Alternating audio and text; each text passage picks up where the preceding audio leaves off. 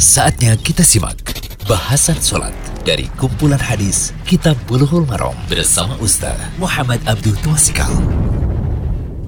Alhamdulillah, salatu wassalamu ala rasulillah wa ala alihi wa sahbihi wasallam. Kali ini kita berada di audio ke-52 dari pembahasan kitab Bulughul Maram, kitab sholat, masih tentang syarat sholat. Kita masuk ke hadis 223.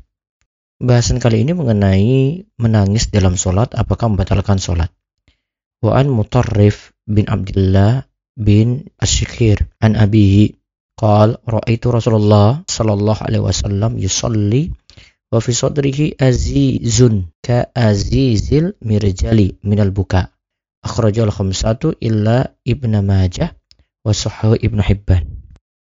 Dari Mutarrif bin Abdullah bin Syakir dari bapaknya ia berkata aku melihat Rasulullah sallallahu alaihi wasallam sedang sholat dan di dalam dadanya itu ada suara seperti suara air yang mendidih karena menangis. Dikeluarkan oleh imam yang lima, kecuali Ibnu Majah, dan dinilai sahih oleh Ibnu Hibban. Lengkapnya di sini riwayat Abu Dawud, Tirmizi dalam Asy-Syama'il, kemudian An-Nasa'i, Ahmad dan Ibnu Khuzaimah, Ibnu Hibban, Al-Hakim. Syabullah Fauzan mengatakan bahwa sanad hadis ini sahih sesuai syarat Muslim.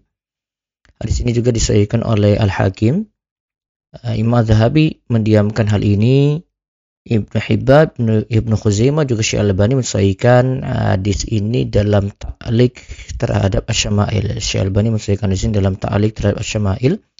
Al-Hafiz Ibnu Hajar mengatakan bahwa sanad hadis ini kuat sebagaimana disebutkan dalam Fathul Bari.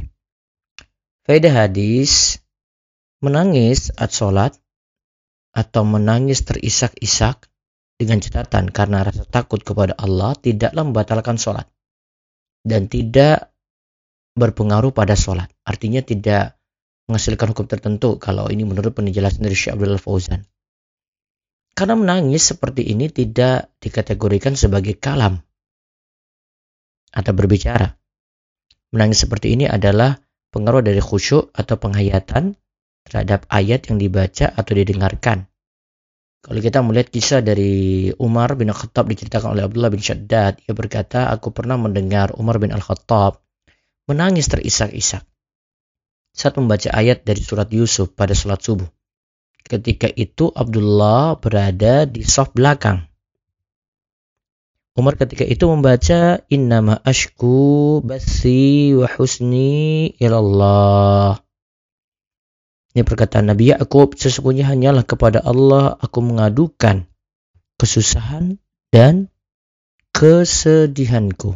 Surat Yusuf ayat 86. Umar nangis ketika itu terisak-isak. Dan itu tidak menunjukkan masalah berarti.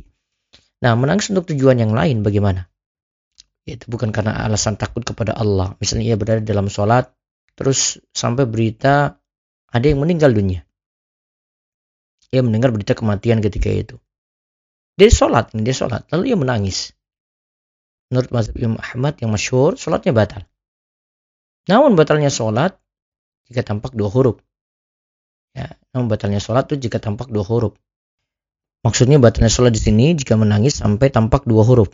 Dua huruf dalam bahasa Arab ya kalau dalam bahasa Arab saja seperti itu nanti didekati dengan bahasa kita lagi kalau dengan bahasa kita berarti kan sudah jadi kalam di situ dan tidak dibolehkan kalau dalam bahasa Arab saja tampak dua huruf saja batal apalagi kalau itu pakai bahasa Indonesia misalnya aduh gitu dia nangis aduh gitu ah, sudah batal tuh Nah, pendapat ini juga menjadi pendapat Imam Malik dan Imam Abu Hanifah. Namun, jika menangisnya sulit dikendalikan, itu bukan pilihannya dan tidak bisa mencegahnya. Yang tepat, sholatnya tidaklah batal.